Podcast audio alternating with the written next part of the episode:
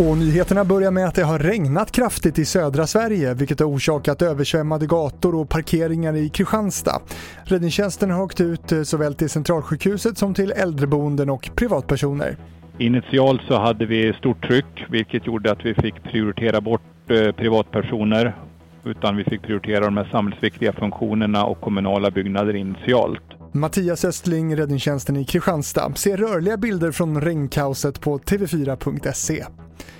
En läkare sålde fejkade coronatester. Nu döms han till ett års fängelse. Han döms av tingsrätten för bedrägeri, urkundsförfalskning samt osant intygande.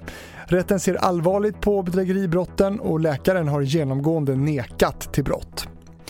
Och sist om att vaccinationskliniker i Stockholm vittnar om minskat tryck och lediga tider vilket gör att Region Stockholm nu ser över möjligheten till att korta tidsintervallet mellan vaccinsprutorna, rapporterar P4 Stockholm.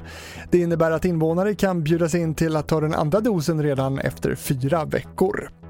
Det var TV4 Nyheterna. Jag heter Fredrik Rahlstrand.